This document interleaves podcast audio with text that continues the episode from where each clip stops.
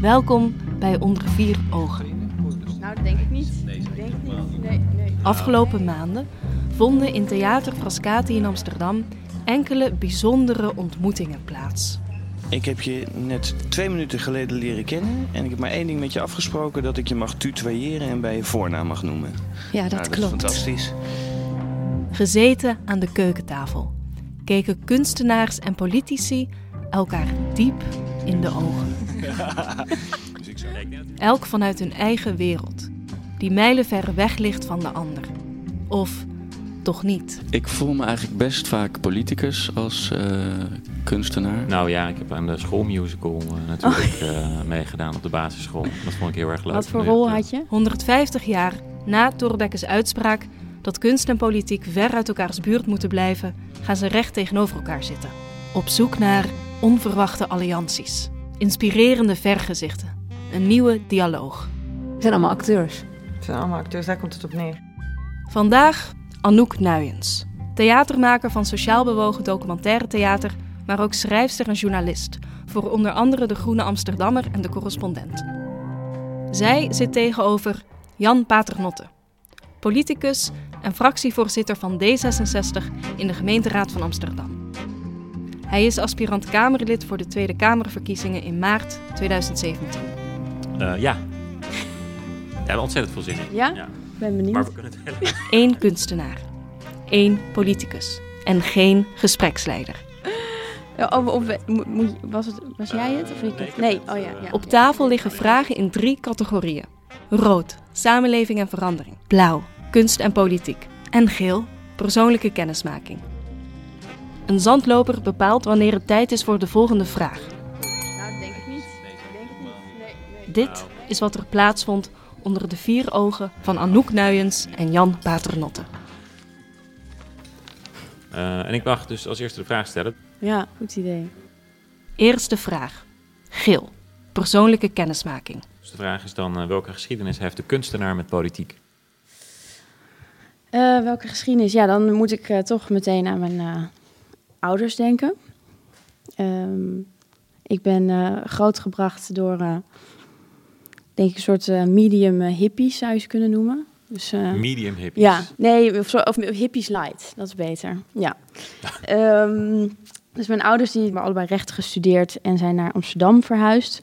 En toen op allemaal soort woonboten, communes terechtgekomen.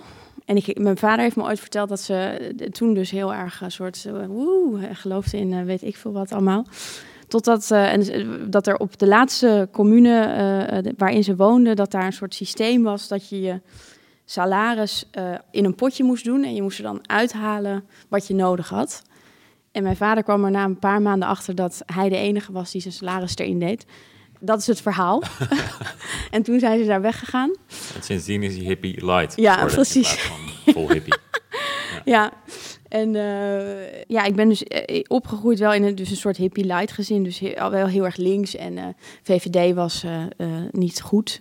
Eh, of een soort... eh, en mijn ouders stemden altijd GroenLinks en zo. En PvdA. Nou, ik herinner me nog dat mijn moeder... dat we ooit op het strand liepen en dat ze Wim Kok zag lopen. En dat ze toen helemaal zo... dat ze mij zo vastpakte en zei... dat is Wim Kok.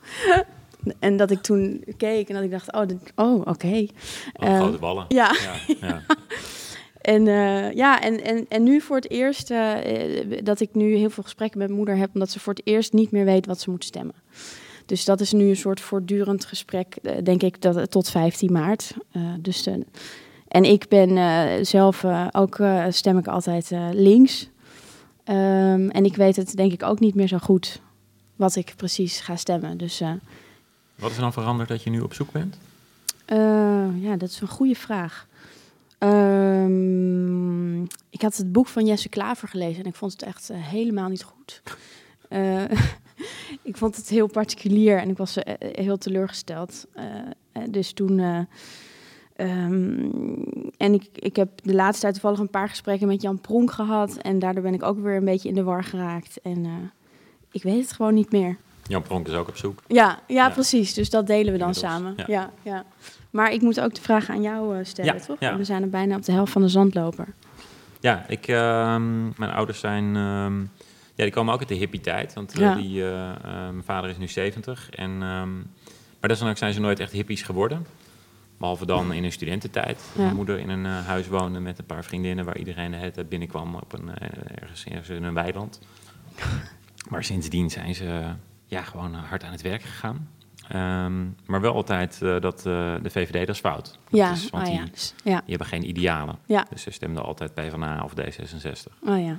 En ehm, ja, welke, welke kunst daarbij? Wat, eh, ja, mijn ouders zijn eigenlijk... eh, eh, allebei hebben ze helemaal niets met muziek. Dus er stond thuis, voor zover de muziek op stond, soms zo'n beetje panfluit. Mijn vader heeft wel veel met de muziek die in de jaren zestig dan eh, populair was. Maar dat is het bijzondere. Ehm, wat ik zelf met, met de kunst heb. Het, ehm, het bijzondere is eigenlijk, ik ben, ik ben vier jaar woordvoerder kunst en cultuur in Amsterdam geweest. En normaal gesproken kan ik me vermaken met kunst. Ik hoef Ja. het niet zelf te maken. Maar als je eh, er politiek mee bezig gaat, kom je in een wereld terecht van debatten over de intrinsieke waarde van kunst. Of is het een instrument om sociale doelen te bereiken? Hoe zitten subsidiestructuren in elkaar? Mhm. Wat vinden we van peer review? En eh, moet er een eh, regionale cultuurinstelling Ja. vanuit Zuidoost opereren? En onder welke voorwaarden moet die voldoen? Ja, Dan wordt kunst en cultuur plotseling iets heel anders dan ja, wat het eigenlijk is. ja. Jammer, toch? Ja, dat het- wel jammer. Dus wat dat betreft ben ik eigenlijk wel blij dat ik niet meer met, met de politieke kant nu hoef bezig te houden. Ja. Dat zou in de toekomst natuurlijk wel weer kunnen komen, maar dat... En je vindt alles, want ik vind ook heel vaak heel saai, kunst. Ja, Jij ook? Ja? ja. Ja, Ik vind moderne dans bijvoorbeeld vaak eh, best saai. Ja. Niet, niet alle moderne dans, maar ja, ik ben hier, eh, toen ik eh, daar de woordvoerder op was, ging ik dus elk jaar minstens één keer naar elke discipline toe. Dus, ja. ehm, maar moderne dans heb ik soms niet helemaal, Nee. niet helemaal kunnen begrijpen. Nee. Ja, mijn zusje is modern danseres dan toevallig. maar ehm, nee, dat is wel, eh, ja, ja, ik moet er wel echt van houden, ja. En, en is het dan bij jou zo, want ik betrap mezelf dan soms, oh, het is al klaar. Oh, Oh. Ja, Oké. ja ja, ja. Tijd voor een vraag uit een andere categorie. Oké. Bijvoorbeeld ja. Eh, blauw, kunst en politiek. Kunst en politiek kies ik dan. Begaf de politicus zich ooit op het gebied van de kunstenaar? En andersom, vertel. Eh, begaf de politicus gooit op het gebied van de kunstenaar? Ehm, nee, ja, dan moet je kunst denk ik eh, breed gaan definiëren. Want wat is voor jou een kunstenaar? Voor mij is een kunstenaar iemand die... ehm, dat is een goede vraag trouwens. Kunstenaar is iemand die met, ehm, met de niet-reguliere middelen eh, iets, eh, iets overbrengt. De niet-reguliere middelen is iets anders dan eh, die het ma- maatschappelijk verkeer allerlei manieren voor heeft ontwikkeld. Maar die iets bijzonders daarmee doet. En Mhm. toch probeert daarmee iets over te brengen. Mhm. Iets wat we, als je dat zomaar willekeurig op elk moment zou doen, zouden we dat gek vinden. En daardoor misschien juist interessant. Ja. ja. En heb je je ooit kunstenaar gevoeld? Ehm, nou ja, ik heb aan de schoolmusical eh, natuurlijk Oh. eh, meegedaan op de basisschool. Eh, nee, sindsdien heb ik nooit meer aan een theaterstuk meegedaan. Het is wel grappig als ik zo naar jou zit te luisteren. Want ik heb helemaal niet... ik studeerde eigenlijk iets heel anders. Ja. Ik studeerde... Ik ben met taal- en cultuurstudies begonnen. En toen heb ik vooral eh, internationale betrekkingen en diplomatie en Arabisch en Portugees was mijn taal. Want toen was Brazilië, kwam zo helemaal op. En toen dacht ik, ja, ik moet eh, diplomaat worden. En, eh, zo kan ik de wereld verbeteren of redden. Totdat ik En een... ehm, wa- wanneer wist je dat je dat, dat, je dat wilde doen? toen was ik 18 of Ja, zo, ja. of 19. Ja, dus gewoon meteen na, na de middelbare school ging ik naar Ja. de universiteit. dus. Ja, en toen las ik ineens een, een beetje per ongeluk een boek van een dramaturge, Marianne van Kerkhoven. Die eh, schreef over eh, eh, kunst in de samenleving. En een, een soort beeld schetste van theater als een, als een, een, een, tool of een, of een, of een ruimte naast de bestaande orde. Dat dat podium werd voor mij een soort leeg vlak waar je gewoon alles kan creëren en maken en verbeelden. En waarom is dat naast de bestaande orde dan zo belangrijk? Ja, omdat, ik, eh, omdat het voor mij dus kunst, of in ieder geval theater, toch heel erg gaat over verbeelden. En dan, dan lees ik verbeelding dan toch wel graag als iets wat eh, op zichzelf staat. Eh, dus dat je eigenlijk voor een je gaat zitten, de lichten gaan uit en voor een uur of voor twee uur is er een soort wereld waar je je toe verhoudt, waar je je in begeeft, die dan even alles is. En, en als de lichten weer aangaan dan, en je gaat weer eruit, dan is het ook weer niet meer daar. Ja. En het is eigenlijk een heel gek beroep, vind ik, theater maken, want je bouwt eigenlijk de hele dag decors op en dan weer af. En het is eh, het soort heel frustrerend, omdat je de hele tijd denkt, waarom moet ik dit nou weer afbouwen? Maar het is ook heel, heel, ehm, het is een, een heel mooi ritueel. Uh, je hoort er ook op de een of andere manier. Uh, je, het is ook een heel aards beroep. Dus je, je, je gaat je nooit verliezen in een soort. Uh... Je gaat je nooit te goed voelen voor. Nee, want dat afbouwen is echt. ja, ik denk echt dat meer mensen zouden moeten opbouwen en afbouwen. Maar theater wat je maakt is natuurlijk iets wat juist heel erg niet op zichzelf staat. Wat, waar mensen naar kijken en waar ze met allerlei gedachten mee naar buiten lopen. En het gaat over ontwikkelingssamenwerking ja. natuurlijk. Ja, klopt. Dus je wil juist toch ook dat mensen daar iets mee gaan doen daarna? Ja, ja, ja, ja. Ik ben dat is dus misschien een beetje de politicus in mij. Nee, nee, oh nee, meer de activist, ja. denk ik. Nou ja. uh, nee, maar ja, wat ik, nou wat ik bijvoorbeeld, waar ik dan, waarvan ik denk, oké, okay, nu, nu werkt het, denk ik, wat ik doe is, gisteren was ik bijvoorbeeld in de Mali-toren. Uh, tegenover uh, het ministerie van Buitenlandse Zaken. Toren van werkgever Nederland. Ja, wat een toren, zeg. En ben je wel eens in die garage geweest ook? Ja, ja. Echt heel gek. Ja. Uh, nou ja, en die lift gaat heel snel. Ja. Ja, nou, en uh, uh, daar moest ik dus spelen voor PUM. Ik weet niet of je dat kent, een, een hele een grote NGO. En dat was uh, iets van voor 150, 200 man. En allemaal dus ondernemers die met pensioen zijn gegaan zich inzetten voor, oh, ja. voor de wereld. Ja, die ken ik wel trouwens. En ik sta dan in een, in een soort hele grote, zo'n ja, niet-zeggende vergaderzaal met lamellen of zo. En van dat, weet je wel, van dat systeemplafond. En dan gaat iedereen zo zitten en dan zie ik eerst nog een beetje zo, vooral al die mannen zo kijken. En dan ineens uh, zo, dan ga ik spelen en dan is iedereen nog een beetje... Mm, en dan zie je gewoon die houding letterlijk helemaal veranderen. Dat mensen echt zo, wat? En, en hebben we daarna dus nog een, hebben we altijd een lang gesprek nog uh, over ideologie. En over de, toekomst van ontwikkelingssamenwerking. En mensen waren gewoon helemaal... uh, op de een of andere manier kan toch dan zo'n voorstelling of zo mensen onbewust en bewust verleiden Ja. om, om op, een, op een meer emotionelere manier misschien, of een meer een vrije manier uh, hardop te denken en dingen te delen Ja. met elkaar. Ja, die mensen die zitten daar in het begin van, nou, het zal mij benieuwen. Ja, Je weet ze daar in korte tijd uit te krijgen. ja. En er is daar dan toch wat gebeurd of zo, Ja. in die ruimte waar ze ook heel vaak zitten te vergaderen. Ja, de, de Belgen die hebben zich afgescheiden van Nederland omdat er een theatervoorstelling was. En die mensen liepen naar buiten en die dachten, en nu zijn we het zat. Echt? Ja, die ging over de onderdrukking van de Nederlanders van, eh, van de Belgen. Oh, 1830 in, in Brussel vond dat plaats. En Oh, toen ja. eh, begon de opstand. wauw. Wat zou je mooi vinden als jouw voorstelling eh, uiteindelijk eh, teweeg heeft gebracht? Eh, ik zou het heel mooi vinden als het, als het lukt om ehm, eh, eigenlijk weer een beetje hoe NGO's ooit opgericht zijn. Dus in 1945 hebben de Verenigde Naties eh, een, een soort ehm, ja, beginselverklaring opgesteld van wat een NGO is. En, en daar zijn hele mooie, zo, de, zo hoeder of zo van de democratie en gevraagd en ongevraagd advies aan de overheid. En je altijd inzetten voor het belang van de maatschappij. En heel idealistisch. En ik zou eigenlijk hopen dat eh, NGO's weer iets meer teruggaan naar die basis. Dat ze weer iets utopischer en idealistischer worden. Dus ik hoop dat mijn voorstelling een soort beweging in gang zet. NGO's die demonstreren tegen de overheid. Ja, of niet per se demonstreren, maar, Als het nodig is. maar gewoon Ja. ge- collectief eigenlijk weer gaan opkomen voor een soort Ja. gemeenschappelijke waarde. Mooi. Zullen we muziek doen? Ja. De muziek van de kunstenaar. Oh ja, ja.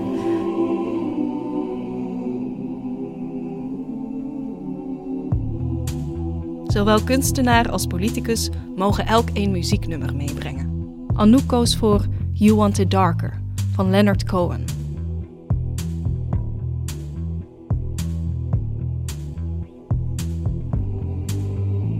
If you are the dealer, I'm out of the game. If you are the healer, means I'm broken and lame. If thine is the glory, then mine must be the shame. You want it darker. We kill the flame.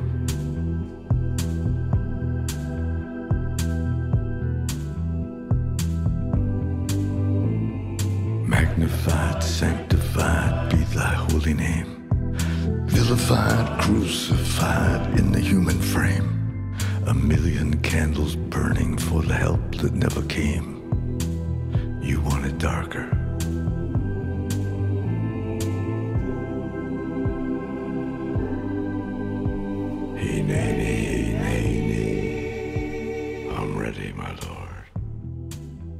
Dat nummer is op de een of andere manier voor mij een soort symbool geworden. Voor een soort, misschien ook ja, letterlijk een afscheid van Leonard Cohen, maar ook van een, eh, ik weet het niet, maar een soort voor Trump en na Trump. paradox to blame. But it's written in the scriptures and it's not some idle claim. You want it darker. We kill the flame. Het is niet een heel optimistisch nummer. Nee, nee, ik ben ook niet zo optimistisch op het moment. Nee. Nee. Jij wel? Ehm, nee. Ja, optimistisch Nou ja. Nederland staat er steeds in het programma. Ja, nee, we zijn, Ja. ik ben ook, eh, we zijn ook best optimistisch. Maar ehm, dat is omdat we heel veel kansen hebben om het, eh, het goed te doen. Maar de, de keuzes die het afgelopen jaar gemaakt zijn in, in Amerika, maar ook in Engeland, die zijn juist niet van bruggen slaan, maar van bruggen doorbreken. Ja. Eh, en muren bouwen. Ja. En dat zijn inderdaad niet dingen om blij van te worden. Mhm. Dat betekent dat ik nog steeds heel optimistisch ben over eh, allemaal zaken. En denk dat ook eh, Donald Trump in een geschiedenis die natuurlijk een hele lange lijn kent, ook een anomalie kan zijn. Maar ja, de verkiezing van Trump op zich is een drama. Ja. Waar, waar lig jij s'nachts eigenlijk van wakker? Nou ja, dit is wel een. eh, Van Trump? ja, nou ja, van Trump. Ehm, het is natuurlijk het gekke dat we in de wereld heel lang hebben gekeken naar Amerika voor veiligheid, maar ook voor oplossingen, voor leiderschap. Eh, en klimaatverandering is denk ik het grootste probleem van deze tijd. Mhm. Ehm, maar inmiddels is de rol die Amerika daarbij speelt veel kleiner dan die 10, 20, 30 jaar geleden was. Mhm. Gewoon omdat eh, Amerika niet meer bepaalt wat voor auto's er in de wereld gemaakt worden, omdat het niet meer de grootste markt is. Omdat China nu plotseling allemaal strengere standaarden heeft en grotere problemen met kolencentrales dan de Verenigde Staten. Dus Trump kan een hoop schade veroorzaken, maar het zou nog erger zijn als een type als Trump eh, president van China zou worden. Dus daar zit een soort optimisme in. Nou, dat is niet het optimisme wat je in ons programma terugleest. Want dat gaat natuurlijk voor een heel groot deel gewoon over, eh, over Nederland. En ook de rol die we in Nederland en in Europa kunnen spelen. Ja, ja ik, ja, ik denk gewoon, of dat is dan ook, denk ik, misschien waarom, waarom ik dit nummer heb gekozen. Dat, eh, maar ik ben misschien ook soms een beetje dramatisch eh, in mijn denken. Maar ehm, eh, dat ik gewoon de ja, dan die peilingen zie en zo. En 35 zetels PVV en dan P van de A7. En dan denk ik echt, hè? Maar hoe zijn we hier dan precies beland? We, dachten toch de hele tijd, het valt allemaal wel mee en er zo. verandert en- heel veel en heel snel in de wereld. En ehm, wat... eh, wat eh, Maar er zijn zoveel mensen zo ontevreden. ja, maar het, is, het gaat goed met de economie. Bijna driekwart van de mensen merkt dat niet. Maar ik denk dat mensen iets heel anders voelen of zo. Ja, En- omdat, eh, omdat meer dan de helft van de mensen daarvan gaat het inkomen niet vooruit. Ja, Wat met de economie wel vooruit gaat. Ja. Eén. En twee is natuurlijk dat we met z'n allen ouder worden. Steeds Ja. meer mensen hebben zorg nodig. ja, Nou, die zorg die leveren we ook. Ja. Er is meer zorg beschikbaar. Eh, we geven de mensen die zorg. ja, het feit dat je naar het ziekenhuis kan, dat voelt niet alsof je eh, Nee. het goed gaat met je welvaart. nee, Dus dat betekent niet dat je het idee hebt dat we met z'n allen vooruit gaan. ja. En dat is heel begrijpelijk. Mhm. En dat maakt dat een hoop mensen zich ja, helemaal niet tevreden voelen. Ook omdat ze natuurlijk gewoon zien Ja, dat het met sommige mensen fantastisch gaat en dat die enorme bonussen krijgen. ja. En, en denken jullie niet ook, hebben jullie, ik weet niet hoor, want ik, ik, als we nog even over dat programma door mogen gaan, viel mij dan ook op dat er bijvoorbeeld geen één vraag in staat? In het verkiezingsprogramma. Geen één vraag. Nee. Nee, omdat dit is eh, het antwoord Ja. op eh, de vraag eh, wat vindt D66? Maar het gaat, ja, dat klopt. Maar het gaat natuurlijk wel over de toekomst. En dat, ja, dat, dat is ook. Nou, dat je leest wel af en toe niet. van en hier moet veel onderzoek naar gedaan worden. Ja, oh ja, dat is dan een beetje meer de. de We hadden natuurlijk ook een opschrijven van, eh, kan iemand ons hier wat meer over vertellen? ja. Maar eh, de stap die je dan in de politiek zet is van, er moet onderzoek naar komen. Ja. Ja. Nee, maar meer, w- omdat je, het voelt gewoon eh, inderdaad eh, zo heel, heel zeker, zelfverzekerd en zo. En, en ik voel me misschien nu gewoon heel onzeker ook als burger. Ja. En eh, dat ik, Ik denk denk dat veel dat, politici zich ook vaak onzeker voelen. maar de- ja, ja, misschien is dat wel een, slimme tactiek, omdat eh, soms, eh, Nou, Jan Terlouw die zei ooit, eh, vertrouw nooit mensen die dingen zeker weten. ja, Ehm, maar blijkbaar kun je wel politieke partijen vertrouwen die dingen zeker weten. Oké, laten we doorgaan naar de volgende vraag. Volgens mij ben jij, nee, of, jij had de muziek. ge- Ja, ik had de muziek Oh gekozen. ja, dus nu mag ik weer wat kiezen. ja. Geel. Persoonlijke kennismaking. Is Kamerlid zijn een begerenswaardige post? En is het beroep kunstenaar benijdenswaardig? Ja, eh, ik heb geen idee, eh, want ik ben nog geen Kamerlid. Maar ik heb wel een idee natuurlijk, Ja. want anders heb ik me niet gekandideerd. Ja, ik denk dat het... eh, ehm, het is het hoogste ambt van, van het land. Ik denk Ja. dat het ongelooflijk eervol is dat je... Iedereen de op familiefeestjes wil natuurlijk met jou praten. Nou, dan zijn ze bang dat ze over politiek moeten praten. Dus dat is zeker niet altijd Nee? zo. Nee, vandaag was ik bij de verjaardag van mijn neefje. En toen wilde vooral mijn nog kleinere neefje wilde met mij Lego bouwen. Oké. Eh, en verder ging het allemaal over mijn nichtje die eh, vanavond een musical optreden heeft. Dus, ja, ik denk dat het een heel begeerenswaardige plek is. Er zijn, Ja. Ik vind het ook heel, heel moeilijk je voor te stellen dat je dan dat ziet als een carrière stap. Eh, want ja, je, als Kamerlid heb je iedereen wil met je praten, inderdaad. Om, omdat je gewoon over de begroting van Nederland gaat, maar ook over het debat dat plaatsvindt op nationaal niveau. Ja. En dat. eh, En is het dan niet soms moeilijk? Dat lijkt mij dus zo moeilijk. Dat je dan eh, heel veel eigenlijk te vertellen hebt. Maar dat je dan ook net een vergadering hebt gehad of zo. Waarin dan zegt, nou, we gaan helemaal daarvoor. En dan denk je, fuck, dat is net eigenlijk... Zit net naast wat ik wil. ja, maar dat heb je heel vaak in de politiek. En hoe ga je daar dan mee om? Ja, dan moet je eh, denken, eh, oké, dan heb ik nu niet mijn zin gekregen. Hoe ga ik ervoor zorgen dat eh, de volgende keer mijn goede ideeën wel geaccepteerd worden? En dan ga je bondjes sluiten of zo met mensen. Nou, bijvoorbeeld waar ik in Amsterdam de laatste, de laatste jaren heel druk om heb gemaakt, is de integratie van, van nieuwkomers. Ja, Vorig jaar kwamen er 58.000 vluchtelingen binnen uit Syrië, Eritrea. En het was eigenlijk voor het eerst sinds heel lange tijd dat we zo'n enorme stroom nieuwkomers hadden. De laatste keer was de jaren 90 met Joegoslavië. ja, en die mensen kwamen hier binnen in de noodopvang, gymzalen, oude scholen, oude gevangenissen hebben we snel ingericht. Ging ook met die mensen praten, want veel praten best aardig Engels. Eh, ja, maar veel uit de midden- en hogere klassen. ja. En het is heel, natuurlijk heel simpel wat ze allemaal zeggen. Ze- veel mannen die willen dan graag dat hun vrouw ook kan overkomen. En ze willen wat gaan doen. Eh, maar je mag bijna niks. Je mag eh, geen taalles dat- krijgen dat in die ook- noodopvang. ja, Je ja. mag niet, eh, niet aan het werk eh, als je in het asielzoekerscentrum zit. Je mag wel tafeltennissen. Ehm, en we weten dat in Nederland, als je iemand eh, werkloos is, dan zeggen we zo snel mogelijk weer aan het werk. Want anders Ja. wordt je afstand tot de arbeidsmarkt heel groot. En dan zit je straks heel lang in een uitkering. Dat is Ja. slecht. ja. Maar bij dit soort nieuwkomers is het allemaal ontmoediging. Dat is het doel. Zorgen dat niet anderen na hen ook nog willen komen. En dus mogen ze niks. Terwijl van die Syriërs 1% wordt afgewezen. 99% blijft hier. Minstens vijf jaar. Hm. En eh, ja, daarvan eh, zit straks 70% in een uitkering, denk ik. Dat betekent dat hun kinderen dus als voorbeeld hebben ouders die best slim zijn. Maar ja, nauwelijks iets, eh, iets te doen hebben op Maar dat dag. is echt, dit is echt jouw, hier, dit is jouw passie. Of hoe zeg je dat? Dit is jouw, Nou ja, wat, eh, de- de- ik noem het als antwoord op de Ja. vraag van hoe, eh, ja, hoe ga je dan bondjes Ja. sluiten? Nou, dit is echt zo'n probleem waarbij ik denk dat als je het zelf ziet, zelf met mensen praat, dat je dan niet anders dan kan komen tot de conclusie dat dit anders moet. ja, En landelijk heb je dan politici als Halbe Zijlstra en, en Lodewijk Asscher die zeggen nee, ik moet de ontmoediging aan de regels houden. ja, Eh, maar ik zie hier in Amsterdam ook, mijn collega's, we zijn naar het asielzoekerscentrum geweest. Je nodigt mensen uit om te komen praten, om hun verhaal te doen. Dat mensen overtuigd kunnen worden. Politici zijn ook mensen Ja. natuurlijk. Dus ik hoop dat ik dat in de Tweede Kamer ook kan gaan doen. Je kunt Ja. waarschijnlijk niet mensen de tijd meenemen naar een asielzoekerscentrum. ja. Maar wel een, een hoorzitting kun je altijd organiseren. Ja. En dan... Wat was de vraag? Ja, ik moet nu vragen of eh, antwoorden of het beroep kunstenaar benijdenswaardig is. Ik denk eh, van niet. Niet. Nee.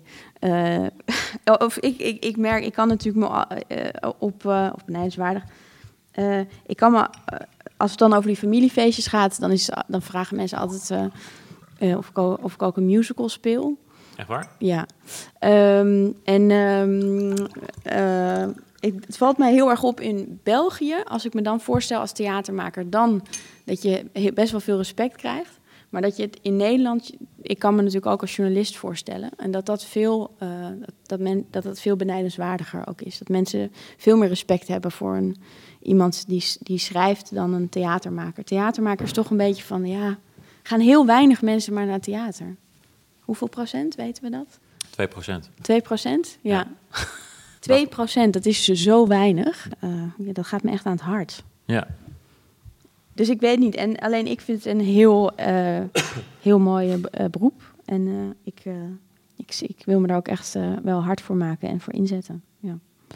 Heb je er last van dat het geen begerenswaardig beroep is? Eh, nee, want ik, ik, ik heb het nooit gekozen om, eh, omdat ik eh begerenswaardig eh, wil zijn of zo. Ja. Dus ik, ik heb daar helemaal geen eh, last van. Maar ik zou het wel eh, leuk vinden als, als theaters eigenlijk weer meer plekken zouden worden. Wat dan Chantal Mouffe noemt dat dan de agonistische ruimte. Dat ken je misschien wel, dat, dat begrip. eh, dus dat, dat het eigenlijk... eh, je hebt nu nog altijd toch een vrij traditionele verhouding tussen, tussen zo...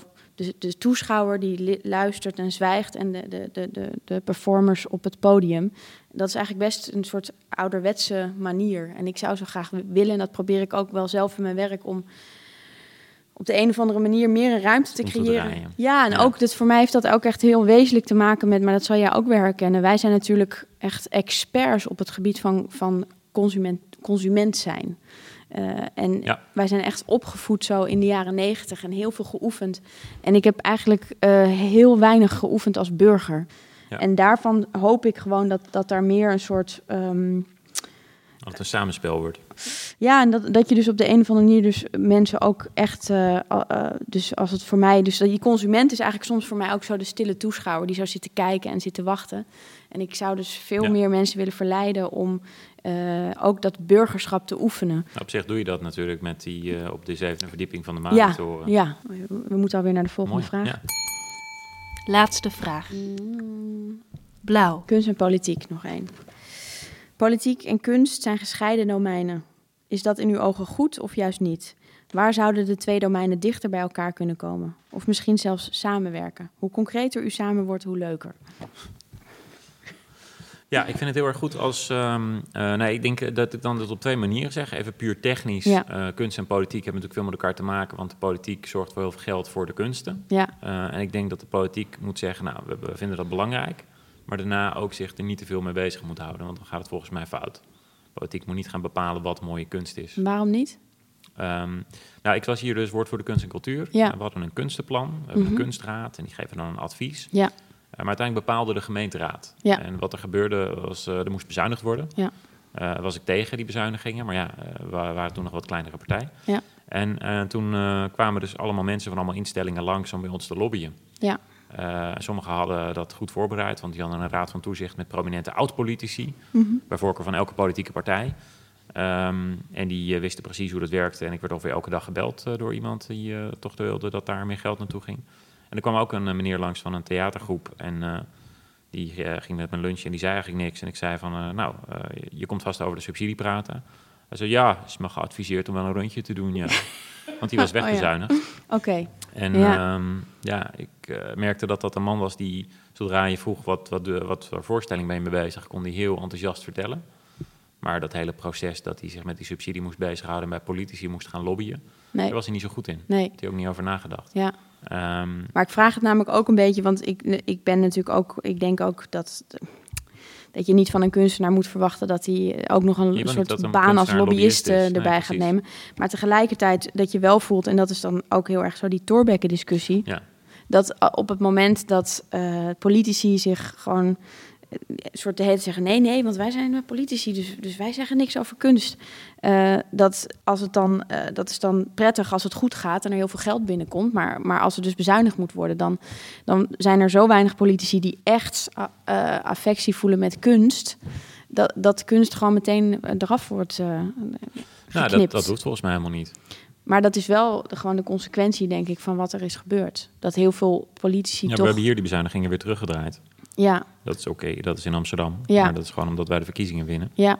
Eh, Maar ik zou het echt heel leuk vinden als er, als, het, als er gewoon veel meer politici in de zaal zouden zitten. En ik zou het dus ook super leuk vinden om, eh, eh, weet ik veel, ik weet ook niet, zijn er... Ja, maar ik zou het heel goed vinden als er veel politici in de zaal zitten. Maar wil je dat die in de zaal zitten? Om te bepalen of jouw voorstelling goed genoeg is om volgend Nee, maar jaar gewoon weer- wel de dialoog. eh, eh, bijvoorbeeld, ik heb ooit een keer, dat, wat ik heel leuk vond, was Lodewijk Asscher, die doet dat af en toe. Dan vraagt hij gewoon een groep mensen, eh, dus allemaal kunstenaars uit verschillende domeinen, om met hem mee te denken over een bepaald thema. En dan zitten er ook zijn speechschrijvers bij. En dan ga- is het een soort hard een brainstorm. En dat is super leuk Ja. om dat te doen. Dus, dus ik zou het heel leuk vinden als, als er eh, veel meer van dat soort concreet. Want hebben Ja. jullie, heb jij bijvoorbeeld kunstenaars of theatermakers die je belt als je. ja, ergens eh, mee zit. Ik bedoel ook zo- die, op eh, zo'n manier. Vrienden die ook kunstenaar eh, zijn. En die op een heel andere manier naar eh, dingen kijkt. Op een ludieke manier eigenlijk. Ja, Die eh, bijvoorbeeld eh, we hadden over verbinding in de samenleving. En mensen praten niet meer met elkaar. Zeiden, nee, inderdaad, maar dat, dat hoeft ook helemaal niet. Dus die is toen via eh, posters met zijn raam gaan communiceren met de buren. ja, Met hoi, goedemorgen. Net zolang totdat de buren antwoord zeiden. ja, Goedemorgen ook op het raam hingen. ja. Ehm, Maar ik zou Mooi. bijvoorbeeld ook. Maar- Ik, ik denk ook echt dat heel veel mensen het heel. Maar dat is misschien. Dit is gewoon dat partijprogramma is echt jullie natuurlijk hard. Maar ik, ik, ik, mijn handen jeuken dan ook echt om, Ja. eh, zeg maar, ik heb ook overal dingen van, oh, hier had je een hele mooie metafoor kunnen gebruiken. Of eh, Ja, ja. eh, deze zou Oh, ik je wil het weglaten. leesbaar maken. Ja. Precies. Ja. Toch een soort roman ervan maken, een beetje. Voor die leesclub, voor die politieke leesclub die opgericht moet worden.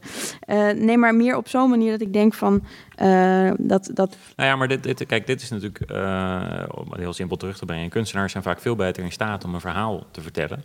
En daarmee mensen te overtuigen, ook en mee te nemen. Dat de klimaatverandering, er waren politici, beleidsmakers, wetenschappers tientallen jaren over aan het discussiëren. ja, maar er is nooit natuurlijk een... film was de eerste die het echt een wat breder Ja. publiek gaf. Maar nu is Leonardo DiCaprio die weer de volgende stap Ja. zet eigenlijk. Maar er is nooit volgens mij een, een theatermaker of, of zo, of een kunstenaar die speeches schrijft voor een, voor een politicus. Ehm, is speechwriting geen, eh, geen kunst? Nee, dat, eh, volgens, mij, volgens mij niet, nee.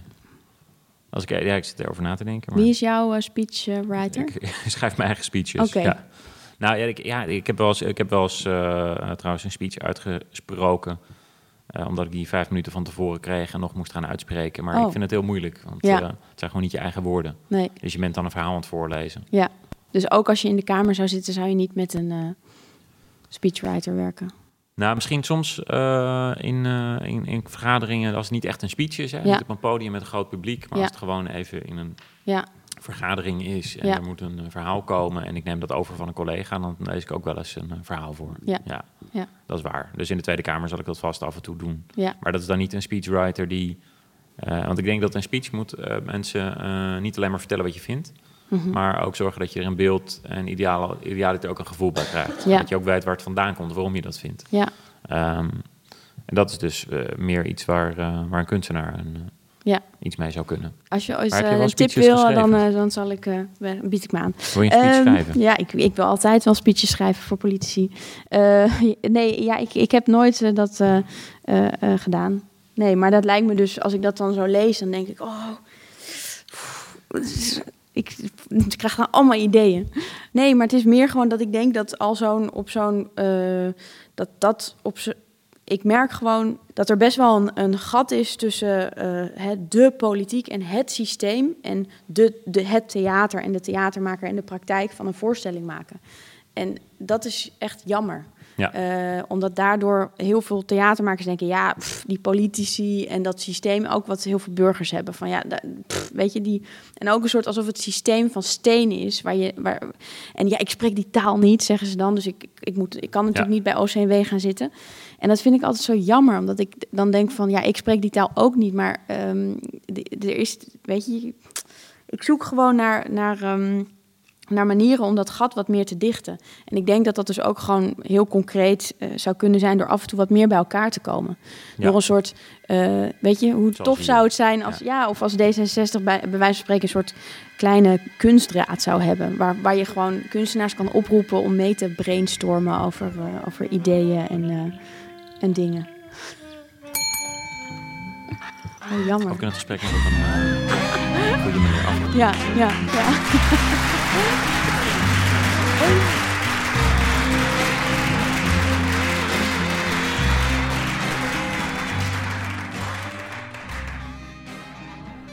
Dit was Onder Vier Ogen met Anouk Nuyens en Jan Paternotte. Onder Vier Ogen is een podcast van Frascati in samenwerking met audiocollectief Schik. De muziek die je hoorde is van La Boutique Fantastique. Luister ook naar de andere afleveringen met onder andere Jasper van Dijk, Nicole Beutler, Naomi Velisariou en Meili Vos. Ik heb nog wat muziek trouwens. Oh ja, Ja, daar gaan we dan mee eindigen. ja eh, eh, Brothers in Arms is dat van de Dire Straits. Wat op zich natuurlijk, eh, vind ik zelf, een waanzinnig mooi nummer is. eh, waar je eh, zonder ook maar ergens aan te denken naar kan luisteren. En dan is het heel fijn. Dan, dan wel in de tekst eh, vind ik het bijzonder is dat het een uiting geeft aan wat, wat ik zo gek vind aan onze generatie. Dat wij, eh, we zijn allebei 32 denk ik. Ja. Ehm, en wij, wij hebben... Wij kunnen ons volgens mij niet voorstellen dat je vrijwillig gaat meedoen aan iets waarvan de kans heel erg groot is dat je eraan doodgaat. Nee. De oorlog namelijk. We zijn in een heel korte tijd van een wereld gegaan waarin het heel normaal is dat mensen massaal doodgaan in oorlogen. Naar in ieder geval hier in het Westen, dat dat iets, iets waanzinnigs ondenkbaars eigenlijk is. Ehm in, dit, in eh, Brothers in Arms gaat, Het gaat eigenlijk, eh, tenminste dat is een interpretatie die, die ik er dan aan geef, maar het gaat over dat eh, eh, soldaten die eh, daar eh, in, eh, tussen al die vuren en vlammen en kogels in zitten, dat die eigenlijk aan welke kant ze ook vechten met elkaar verbonden zijn, omdat ze hetzelfde lot nu eenmaal hebben. Ook al is dat Hm. lot om elkaar te bestrijden. Mooi. through these fields of destruction. Baptisms of fire. I've witnessed your suffering as the battle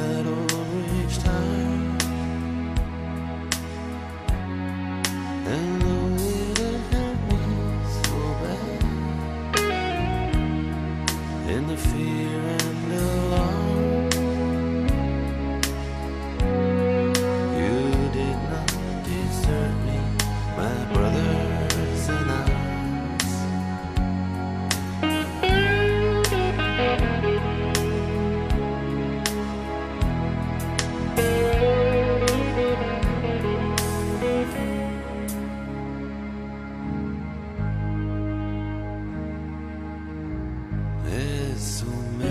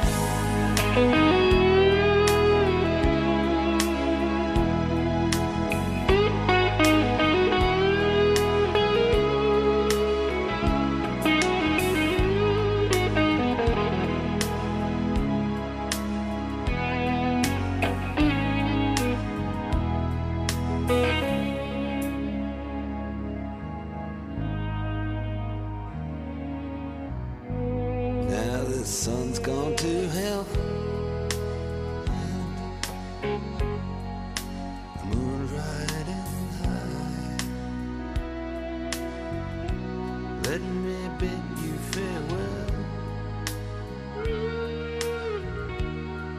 Every man has to die.